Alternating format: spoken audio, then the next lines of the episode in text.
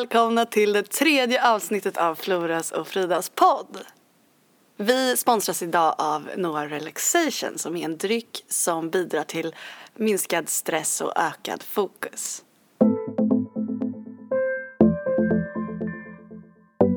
Jag kanske förlöser ditt barn.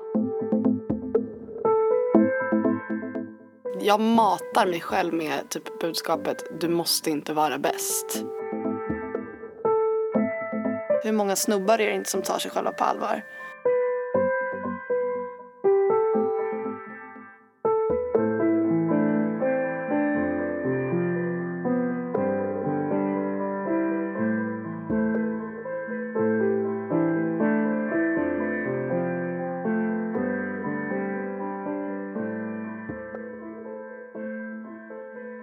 Nu sitter vi inte längre inklämda och svettiga under Floras köksbord. Utan vi har upgradat. Ja, vi har börjat hyra en, det kanske vi har sagt, men att vi har börjat hyra en, eh, en studio. Och i anslutning till den studion så finns det helt enkelt en eh, ljudstudio. Det är fett. Det är så jävla fett. Så många av dem som sitter här, mycket dudes, de håller på med film. Så att det här, dudes, filmdudes. filmdudes. Men ganska gulliga filmdudes. Ja, det ger de. Eh, så att de har liksom en studio där de lägger ljud och sånt. Så att nu Nu jävlar. känner vi proff. Jag känner mig fett proffsig när jag sitter här. Ja, men jag med. Visserligen på golvet på en matta.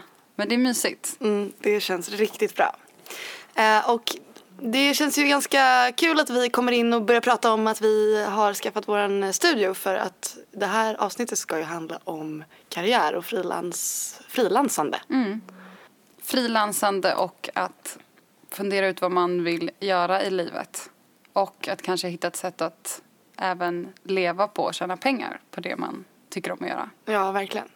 Och, så vi kommer prata lite om eh, hur våra karriärer har sett ut Våra strålande, spikrakt uppåt karriärer. Sen vi tog studenten för bara typ ett år sedan. Nej, vad är det? Typ tre år sedan. Ja, och vi har långt kvar att gå. Verkligen. Men Men, eh, och eh, lite om typ hur det är att jobba som bloggare, för det är många som undrar det. Och eh, lite tips och Mm. tankar. ja, inte för att vi haft, har världens superkarriärer. Men ibland kan det vara intressant att prata om, om eh, jobb och karriär med någon som kanske inte heller har kommit superlångt. För det är enklare att relatera till än om man ska läsa alla de här karriärsböckerna av några som har liksom multimillion dollar business. Ja, liksom. precis. Vi håller ju fortfarande på att lära oss i allra högsta grad. Alltså lära oss att ta betalt och att eh, våga ta för sig. Och, alltså, vi är ju verkligen bara i början, vilket Mm. är jättekul.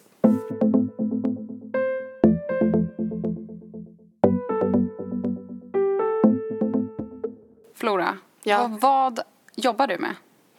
Jag jobbar som bloggare och eh, jag frilansar även som skribent och illustratör.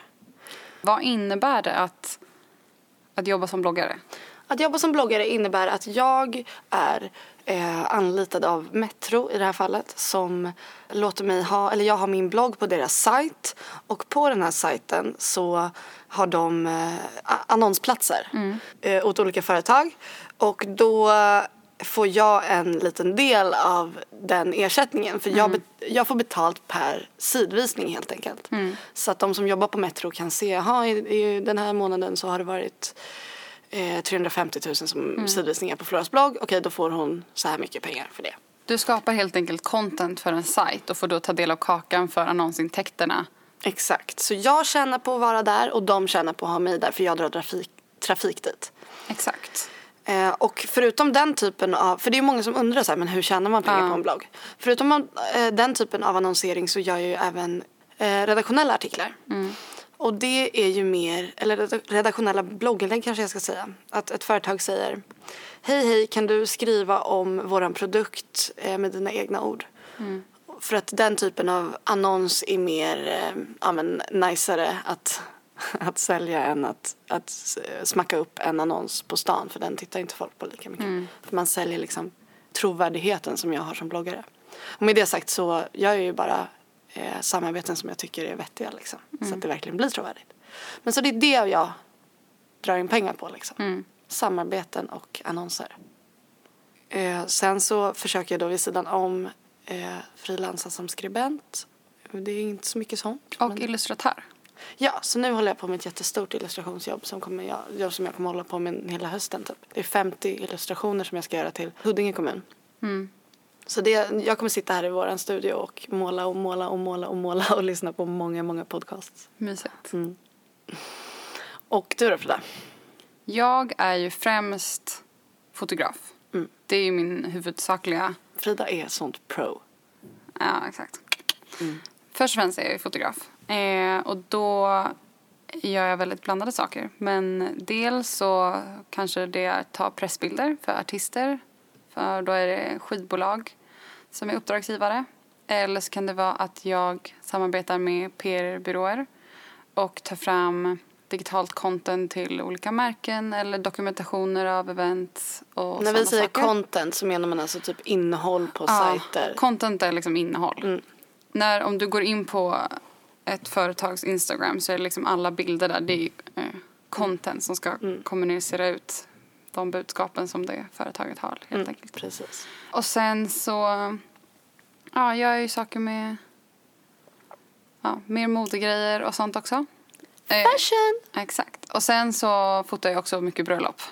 Vilket jag tycker är svinkul. Vilket jag tycker är jättejobbigt. Ja, jag tycker att det är verkligen roligt. Men där skiljer man sig åt. Mm. Jag kom fram till att jag tycker att det är kul och det är bra pengar. Och du tycker, kom fram till att det kan vara bra pengar men det är inte tillräckligt Jag kul. blir så stressad. Men du är ju mer rutinerad också så att du har ju ett annat, eh, en annan, Ja. ett annat lugn liksom. Jag springer runt där och bara "Åh, mina minneskort kommer gå sönder Ja, jag och jag kommer tappa kameran i golvet och... Ja. Jag tror att man så med tiden bygger upp ett sorts basic lugn av att vara trygg med att man kan hantera många olika situationer. När Mm. jag började fota och började ta jobb då var man så här, gud alltså jag vet inte hur jag ska göra om ljuset är så här och så här.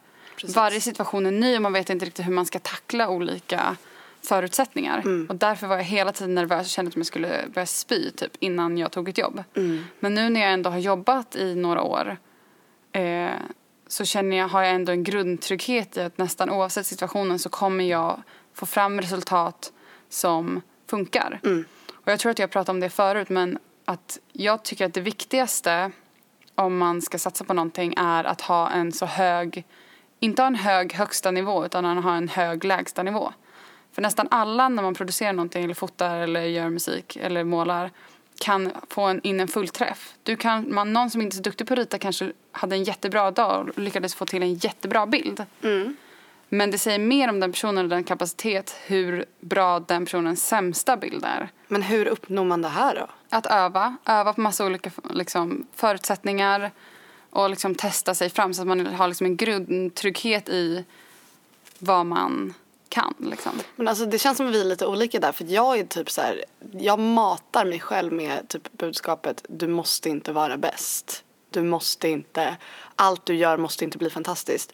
För att jag får sån jävla prestationsångest annars. Så jag måste, alltså när jag sitter och ritar så är det klart att jag så här jag blir fett glad om det blir bra och jag vill ju såklart att det ska bli bra. Men att jag jobbar hela tiden på att sänka min egen ambitionsnivå för att annars går jag typ in i väggen. Mm. Nej, jag känner inte till Nej. det.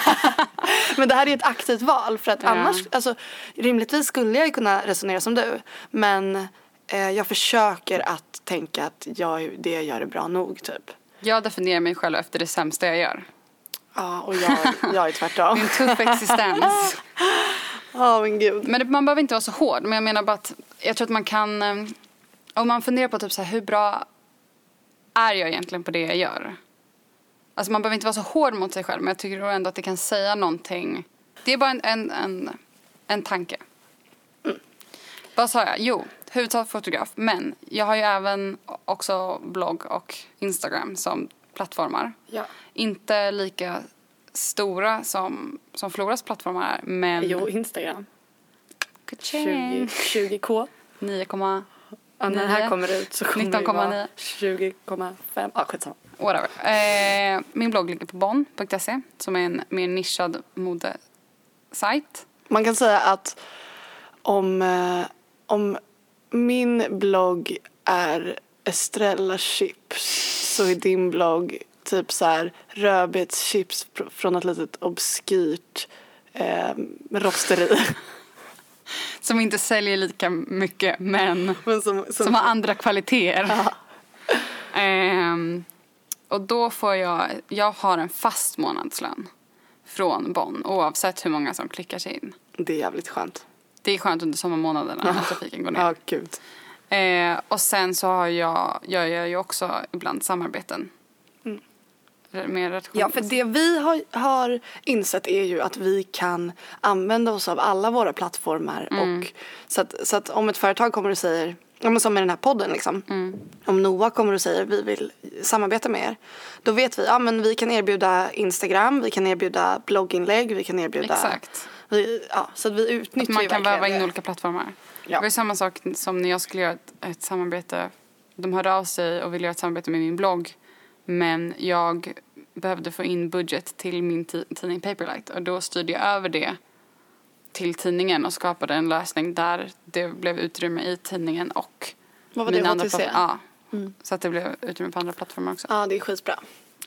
Eh, det som, det som eh, gör att vi kan frilansa på det sätt vi gör är ju faktiskt att vi jobbar väldigt hårt med, att, eh, med våra sociala medier. Mm. Vi skulle inte alls ha nått samma framgång eh, om vi inte hade haft våra bloggar. Det är liksom grund, grundstenen. Också att få in andra jobb. Jag tänker att även om illustrationsjobbet du nu fick in eh, är inte direkt kopplat till bloggen men bloggen blir som en sorts portfolio mm. där du får in jobb till skrivande och illustration mm. genom att folk har hittat dig genom din blogg. Exakt. Så jag, jag tror att en, ingen vet om att någon är jättebra på att rita om den bara sitter hemma och ritar på sin kammare. Liksom. Utan det är väldigt viktigt att se till att man får någon typ av digital exponering oavsett vad man vill göra. Ja, absolut. För det kan leda till så många ja, öppnande av dörrar. Ja, verkligen. Alltså ett Instagramkonto är ju supereffektivt på det sättet för att det kräver så lite jobb egentligen. Mm.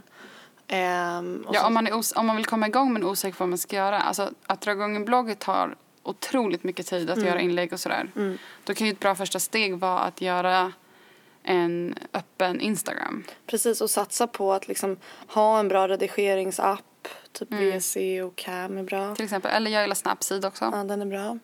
Eh, och ta, ja, men lägga tid på bilderna. Att liksom Ja, men som när du och jag är ute och fikar så sitter vi, ställer vi oss i princip upp på, på stolen och fotar och där. Kan du flytta pepparkvarnen lite? Ja, ta fram handen, lyft, lyft koppen. Alltså fan no shame. No shame. när du och jag hänger så kan vi gå så jävla långt. Ja men det. Men det är roligt. Men jag menar bara att man. man... Starta upp ett konto, lägg upp content som matchar det du vill. Om du vill hålla på med blommor. Lägg upp liksom bilder på olika blomsterarrangemang du har gjort börja följa eh, florister som du tycker gör bra grejer. Börja hashtagga. Hashtagga. Besök olika florister och så lägger du upp bilder därifrån och hashtaggar florist, eh, mm, den absolut. floristen. Precis, att, att liksom geotagga börja... och hashtagga och sånt är jättebra också för då hittar folk till dig. Men det skapar ju broar till ja. dig. Mm. Och att liksom börja skapa ett nätverk kring dig. Alltså ja. börja prata med andra florister. Ah, vad är din favoritblomma? Hehe, gud vad jag inte vet hur florister pratar med varandra. Men, ja. Uh, nej men det är faktiskt en Att ta kontakt med likasinnade som kan liksom, man kan hjälpas åt att utvecklas och hitta nya vägar och sånt. Mm.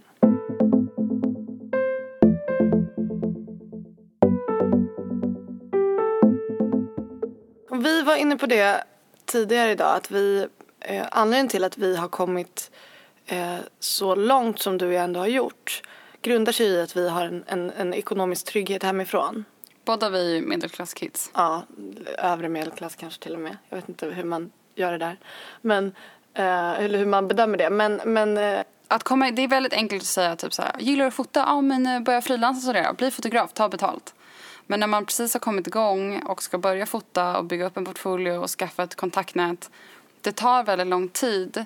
Först och främst kanske det tar lång tid om att dra in pengar överhuvudtaget. För mycket är gratisjobb i början. Ja, gud och när du väl kanske bara får in symboliska summor så är det långt ifrån så mycket pengar som man behöver för att gå runt mm, absolut. själv. Så att då kanske... Ett tips kan ju vara typ att gå ner lite i arbetstid om man kan. Eh, att, man, att frilansa någon dag i veckan. Liksom. Precis. Eller att som du gjorde. Du frilansade ju innan du flyttade hemifrån. Jag, fly, jag frilansade ju hela min gymnasietid så jag hade ju byggt upp ett nätverk när jag fortfarande bodde hemma och inte betalade ett öre mm. för varken mat eller husrum. Mm.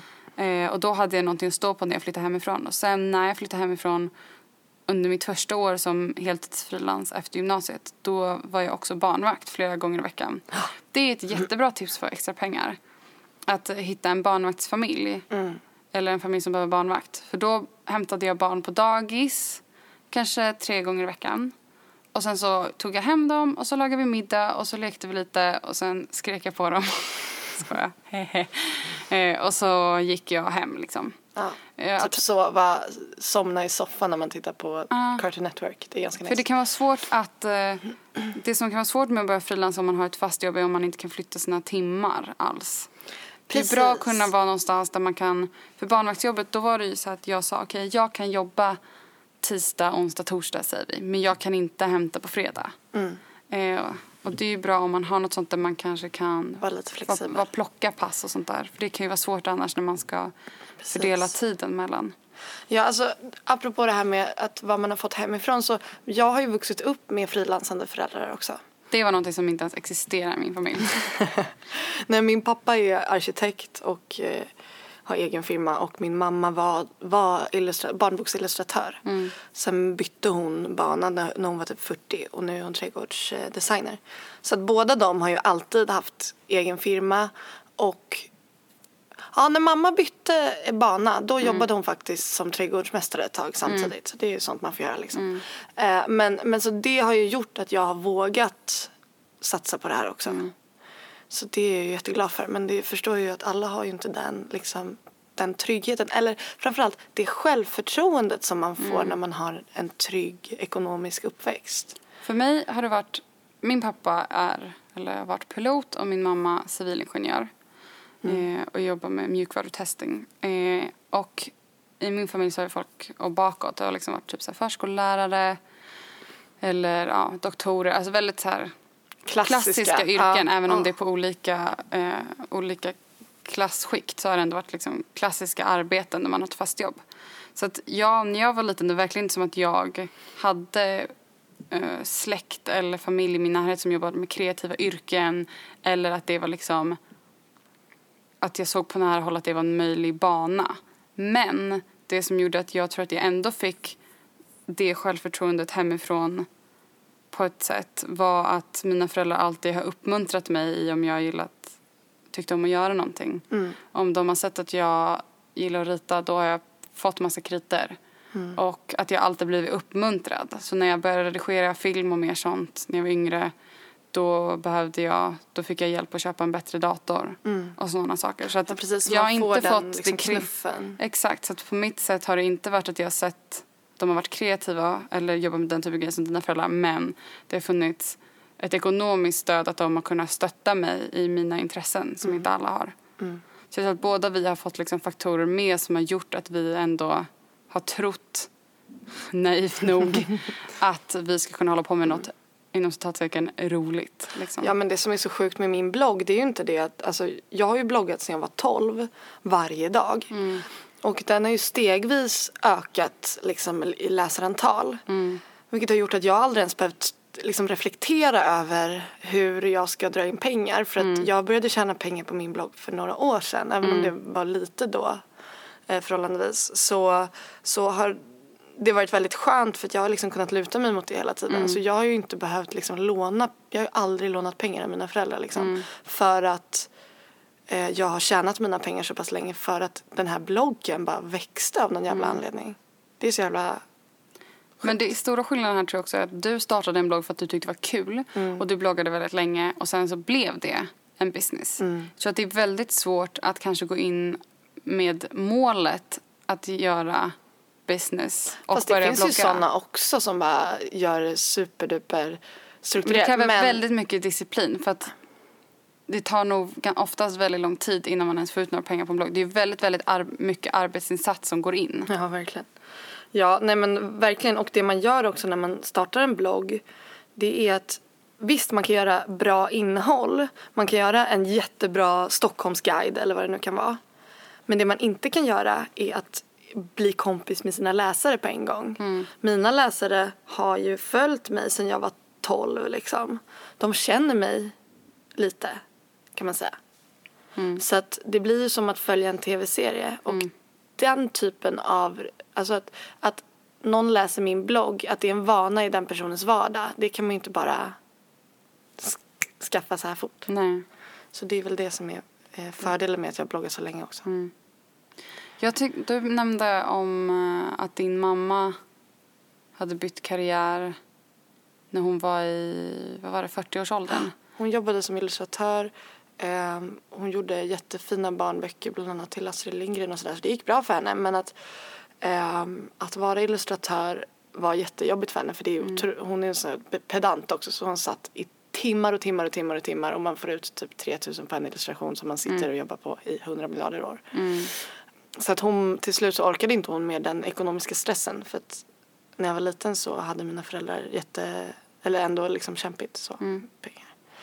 Så då bestämde hon sig för att nu ska jag byta bana och då eh, helt enkelt så, hon är självlärd, helt och hållet självlärd. Men, men har fått trädgårdsintresset från sina föräldrar. Och eh, jag var ganska liten när hon bytte bana men det var jäkligt fett i alla fall att hon, hon vågade det och nu går det ju skitbra för henne liksom. Jag tycker att det är så himla coolt att så här, med folk som bara vågar bryta en bana. Inte bara typ så här, ah, men man kanske hoppar på juristlinjen när man inte riktigt koll vad man vill göra när man är kanske 19 eller 20 år. Att det är så här, ah, men bara för att man gör det då betyder det inte att man behöver jobba med någonting kopplat till det 30 år senare. Att Nej, det liksom inte är för sent. Jag tycker det är så himla coolt med B. Usma. Som var också illustratör men sen nu har skolat om och är liksom läk- barnläkare typ. Ja det är riktigt coolt. När hon, hon skolade om, när hon var typ så här 45 eller någonting. Och det är så himla coolt att säga bara, ah, du kanske har gått konstskola och hållit på med det. Men sen om du vill bli läkare. Ja.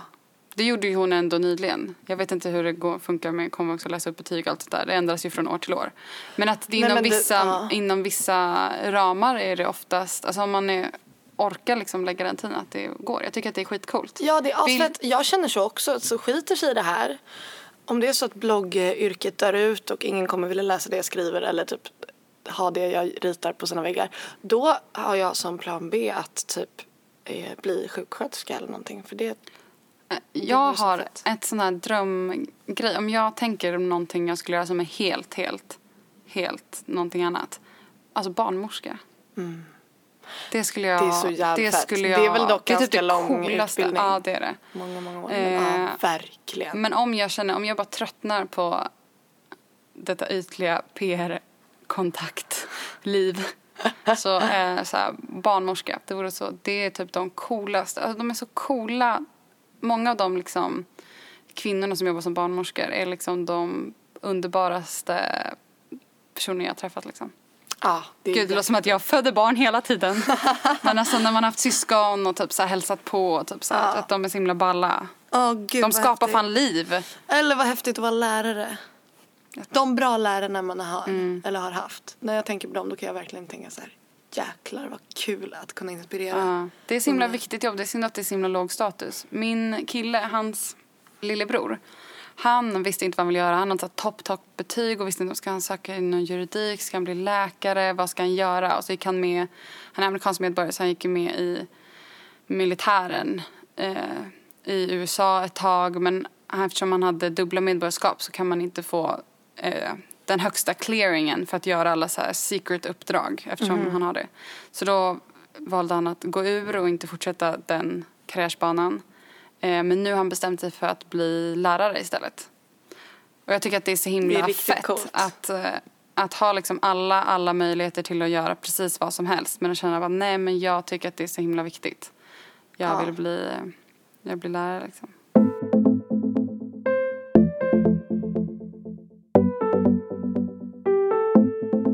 Och angående, på tal om att byta bana och våga bryta upp så leder det oss in på vår sponsor den här veckan, Noah Relaxation. Yeah! Noah Relaxation är en dryck som ska göra en pigg. Så den, den innehåller massa olika eh, trevliga ingredienser som ger fokus.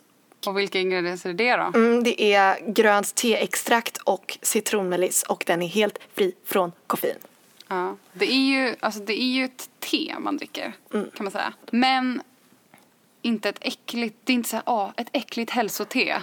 Nej, Som verkligen. lögnen, Det vad smakar det? saft, det Vad det? smakar saft. Matcha. Ja, precis. Det är det äckligaste jag vet och det ser så himla gott ut. Folk bara, åh, matcha te, matcha latte. Och man bara, ew. Jag vill det verkligen här testa är, det dock. Ja, gör det. Men poängen är att det är tänkt som ett sorts hälsote. För att det är en, det ska- den ska- hälsosam dryck men den är inte äcklig. den är tvärtom väldigt, väldigt god. Den är söt och god och bidrar till ökad fokus och lugn. Och det jag vill säga med det här är att Noah Fridmark som har startat Noah Relaxation. Fett att ha sitt namn på en flaska. Frida Relaxation, någon. Han eh, jobbade på ett börsnoterat eh, företag och tjänade massa pengar och jobbade jättemycket och bara tröttnade på det. Helt enkelt. Han, han Började arbetsvägra. Ja, precis. Han strejkade. Nej, men så det han gjorde var att skärgårdsö och flytta ut till den med sin hund. Han sa upp sig helt enkelt och bara nu räcker det. I'm out of here! Bye bitches! Och när han var där ute så kände han ett lugn som han inte hade känt på länge. Eh, förstås. Och då så ville han ta med det här lugnet in till stan. Så, att, så han kom på att han ville göra en dryck som på något sätt kan förmedla den här känslan av lugn och fokus och att, att göra det man, att våga bryta mot det man tror att man ska göra Och till det det, andra- man vill göra. Ja, och det andra kanske förväntar sig av en att man ska göra också. Precis. Så han började göra den här drycken och nu eh, Som det går jävligt bra Ja, för. det går jävligt bra för den drycken. De sponsrar oss. Så nu, ja. Men eh, ja, det är i alla fall väldigt intressant den grejen att man vågar bryta på det där viset. Sen har ju han visserligen tjänat ihop massa pengar för att kunna göra det. Men eh, alltså så här, livet är inte linjärt på det sättet att man så här, hittar ett yrke som man måste hålla på med resten av sitt liv. Jag bloggar och illustrerar och skriver nu men jag har ingen aning om vad jag gör om tio år. Då kanske jag pluggar till sjuksköterska. Eller, liksom, eller även om 20 år eller 30 år. Jag kanske förlöser ditt barn. Snälla gör det.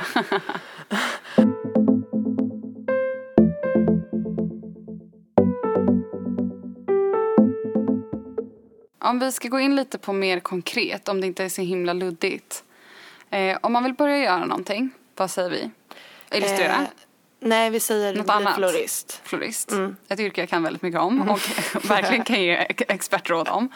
Om du vill bli fotograf eller liknande. Så först och främst måste man ha någonting, en bas, någon typ av portfolio för att visa upp vad man kan. Om någon kommer och säger, ja men vad har du gjort? Då kan man visa, det här kan jag, det här har jag gjort. Så länge är det så att under ett tag att man gör mycket gratisgrejer eller kanske om det finns och om man är duktig för liksom en symbolisk summa för att bygga upp ett kontaktnät. Då kan man även eh, jobba som fotoassistent till exempel. Det är också en väg att gå, lite beroende på vilken typ av foto man är intresserad av. Man kan också eh, utbilda sig. Eller man kan gå fotoskolor, till exempel Gamleby. Ja precis, där, alltså att, att gå på sådana typer av skolor eller Du har ju gått skri- du har ju någon, du, du, du är ju den av oss som ändå har pluggat lite. ja, jag har pluggat skrivande tre omgångar. Känner du att det har gett dig mycket? Jättemycket. Um, dels så har jag ju då byggt eller liksom, jag har en, en bank med texter som jag har gjort som jag kan ha som referenser om, om det är någon som skulle undra hur jag skriver. Men framförallt att jag har lärt mig extremt mycket av att plugga skrivande för att man dels umgås man med människor som skriver så att man börjar ta sig själv på allvar.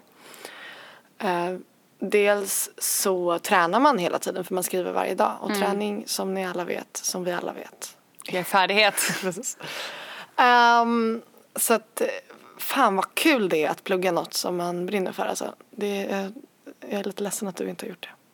Jag gjorde ju ett försök. Jag började ju foto A på gymnasiet. Men jag fick ju panik för jag tyckte att gud, fotoläraren, typ någon så här Bertil Åke som gillar att fota fåglar typ. Och som gillar Som typ att säkert- frilägga eller- en bild så att det bara är en blomma på vit bakgrund. Eller att allt är svartvitt och en detalj i färg. Precis. Han, och till denna mans, eller till den här personens försvar så hade jag säkert lärt mig jättemycket tekniska grunder.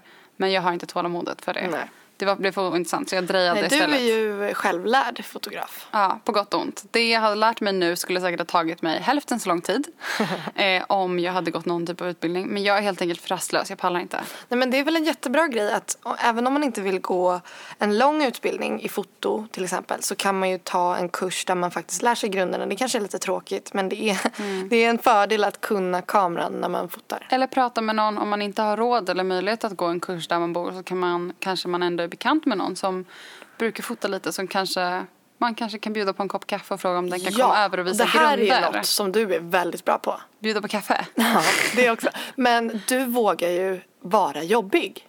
Du vågar ju Ja. så här, hej, jag skulle vilja lära mig lite om hur man filmar det här. Skulle du kunna göra det? Ja, Ja. ja visst, visst. Ja, du får en kaffe. Eller typ så här, alltså du, jag är ju inte alls så, jag står lite ängslig. Men nej, jag vågar inte fråga om hjälp. Men du Roligt att vi pratar om det här. Jag precis nu innan när vi satt och gjorde det här har jag suttit och kollat igenom film tillsammans med en kille som hjälpte mig att filma lite grejer för, på en photoshoot igår. Då sitter vi vid Final Cut. Jag bara ja, jag ska klippa min första video i Final Cut om två veckor. Jag vet inte hur man gör. Så att, eh, ja men kan vi sitta lite ihop så kanske du kan visa mig hur man gör typ. Det är så jävla bra. Jag skulle aldrig våga fråga det. Alltså jag tror Ja. inte det. Det skulle ta mig så mycket eh, tid och kraft. Eh, och eh, ja, jag vet inte. Men jag tror att så här, det beror på vad man gör. Alltså det är kanske lite så här greedy att förvänta sig att någon ska sätta av dagar att vara en så personlig lärare Mm. obetalt. Men ofta om man säger till någon typ så här, jag beundrar, liksom, jag tycker att du är grym på det du gör. Ja, precis. Skulle inte du kunna visa mig lite? För jag känner så om någon hör av sig till mig och har den approachen, alltså man, om man kan om någonting så vill man gärna prata om det.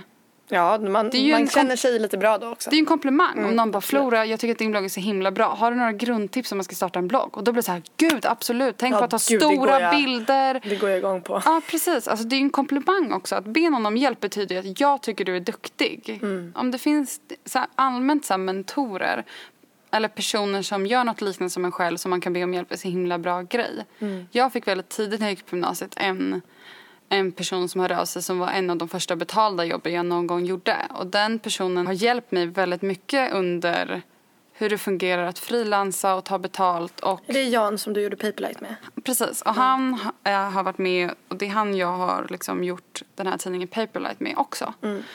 Eh, Så jävla bra. Jag har ju typ min mamma som mentor för Exakt. att hon illustrerar det kan vara en kompis, det kan vara en farfar, det kan vara någon man mejlar med som bor i Italien, det kan vara vem som helst. Det är så himla himla bra. Eller en lärare. Om man har gått en skrivskola kanske man kan fortfarande ha kontakt med en lärare, så kanske kan kolla på texter. Mm. Att ha någon att fråga, någon typ av mentorskap tror jag är en väldigt bra trygghet. Det strålande. För det är någon som har koll på dig också. För ibland kanske man är osäker om man ska göra så googlar man. Eller typ så här, hur ska jag göra det här? Vad är bäst? Pengar eller någonting?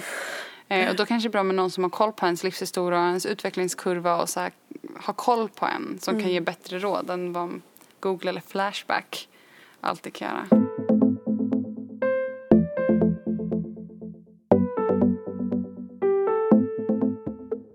Jag tycker att det är lite mycket när folk som knappt har kommit igång alls begär väldigt, väldigt mycket pengar. För, för att man måste ändå kunna leverera. Annars kan man lika gärna be någon annan som skulle ta lika mycket men som har mer liksom, kunskap. Ja. Men med det sagt så är jag den första att gå emot folk som ska eh, göra saker gratis år efter år efter år. I början man har en grundperiod där man övar och skapar en portfolio men efter det då ska man börja ta betalt. Ja, och man ska som- våga ta betalt också.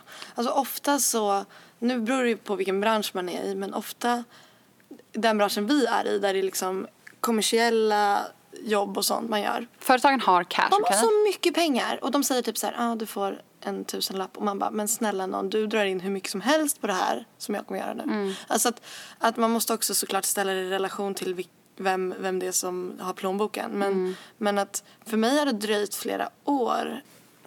Det är ens heder också liksom. Mm. På något vis. Det är inte bara pengar utan det är också att man ska få, man ska få betalt för att man gör ett bra jobb. Man ska få det man har rätt till. Alltså att nå- eller att nå- istället för att någon annan ska kapitalisera på det arbete, de år du har lagt ner på att bygga upp någonting. Ja precis. För det, det är väldigt svårt det här med att prissätta. Men om man får ett uppdrag och känner, man känner så här, nej, jag ska inte göra det här gratis. om man då får ett mejl där någon säger hej, vi skulle behöva bilder till det här och så vidare och så vidare. Jag tror att det är väldigt bra att tidigt i kontakten prata pengar. Jag har massa kompisar som inte vågar Alltså jag säga vet ju till folk direkt. som inte... Jag vet ju, jag minns hur det var själv när man typ så sökte jobb på café. Ja.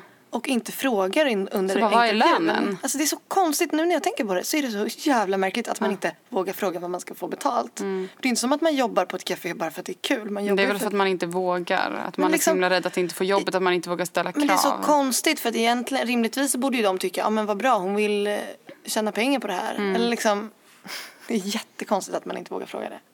Men där det kommer då med det här mejlet att om du vill ta betalt och man vill börja ta upp den frågan prata inte om alla detaljer om jobbet och gör jobbet sen efterhand. Ah, vad får jag?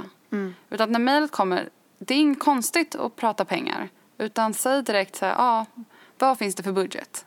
Hur ser arvodet ut? Och då får man ta ställning till det utefter hur lång tid tar det att jobba med det här? Vad får jag ut av det? Vad får det här företaget ut av det? Vad är det för företag? Hur mycket pengar har de? Jag tycker att det är jätteskönt att fråga, som du säger, vad har ni för budget eller Ja. hur, hur tänker ni kring ersättning? För då kan man få ett hum om Exakt. vad de har och sen så ska man alltid försöka pressa upp det lite för att eh, man, de, de De sig säger alltid. fem, du säger inte ett öre under åtta och så säger de okej sju. Precis. That's how it goes. Det, det är så man gör. Ehm, Att våga prata pengar och tidigt så att det inte blir missförstånd. ehm, men en annan sak som jag tänkte på som, som har hjälpt mig jätte, jättemycket i min karriär liksom, det är att jag har vågat kalla mig titlar som kanske inte är helt befogade. Jag, jag tycker att ibland kan dudes vara så himla snabba på bara, ja ah, men jag är gitarrist, jag, jag har ett band, jag håller Ja, på med det här. Medan att- någon annan skulle bara, ja, jag håller på med musik. Jag tycker att det är lite roligt att plinka på lite på gitarr men ja, jag är inte så bra. Ja, att våga typ så här, axla titlar, kanske tidigare än vad man egentligen borde. Jag är alltså, helt jag- för Ja. att ta titlar på en gång. Jag med. Alltså verkligen. Eh, jag har fått den frågan några gånger så här, men hallå, illustratör, du, hur många jobb, jobb har du gjort? Och då är jag så här, ja, jag har inte gjort så många jobb. Men för att jag ska få jobb så måste jag ju säga att jag är illustratör. För att folk ska ta mig på allvar. Så det är liksom så här, Det handlar om att axla en roll som man sen kan växa i också. Verkligen. Och nu känner jag, nu när jag gör det här stora eh, kommunala jobbet, då känner jag verkligen så att det är befogat och att, att det ger mig jättemycket självförtroende. Men att, att så här, man hjälper sig själv på traven om man antar en titel och om man, typ som i vintras så bestämde jag mig för att nej nu ska inte jag sitta hemma och jobba från sängen längre. Nu ska jag hyra en kontorsplats. Och då hyrde vi tillsammans och för mig gjorde det jättemycket för hur min blogg utvecklades. För då gick jag till jobbet och så satt jag där och jobbade effektivt. Sen gick jag hem från jobbet.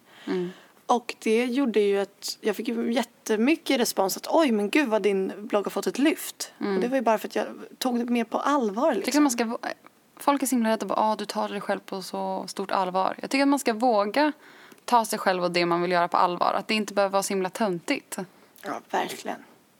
Verkligen. Maxa. Och som sagt, hur många snubbar är det inte som tar sig själva på allvar? Men som Åh, det var snubbar. hatar snubbar. Hatsnubbar.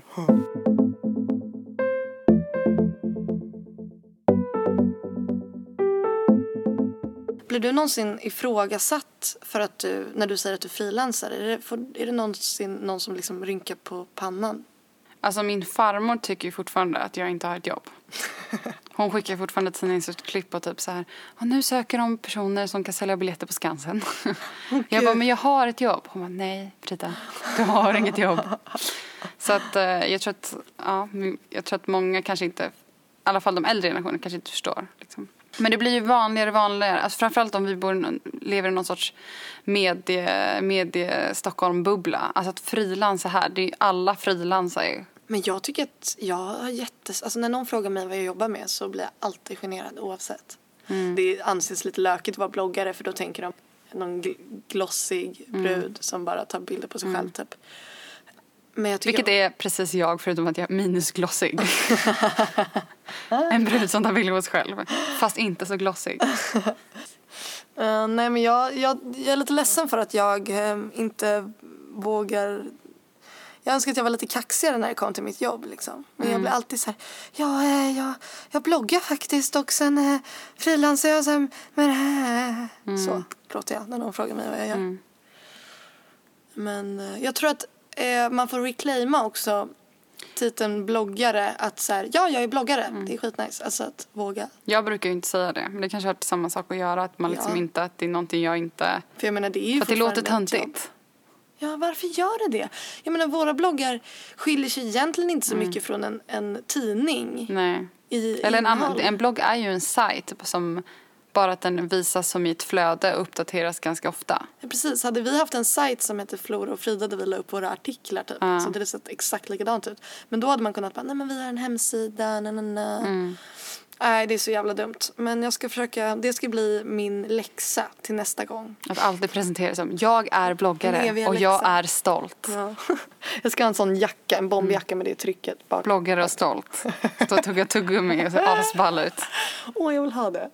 Det är jättefint.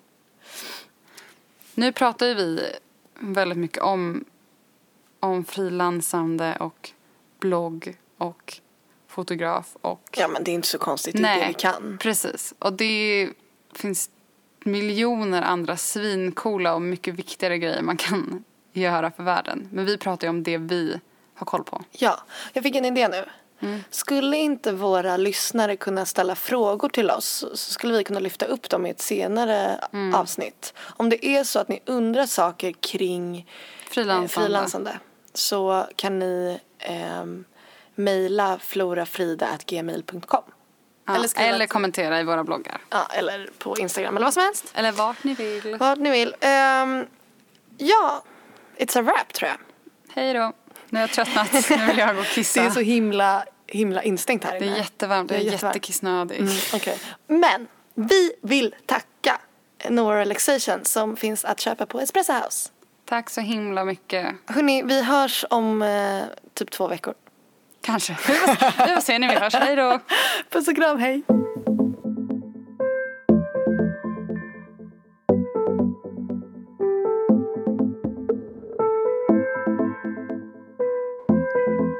Tack även till Felix Berg som har klippt och Johanna Frostling som har gjort jingeln.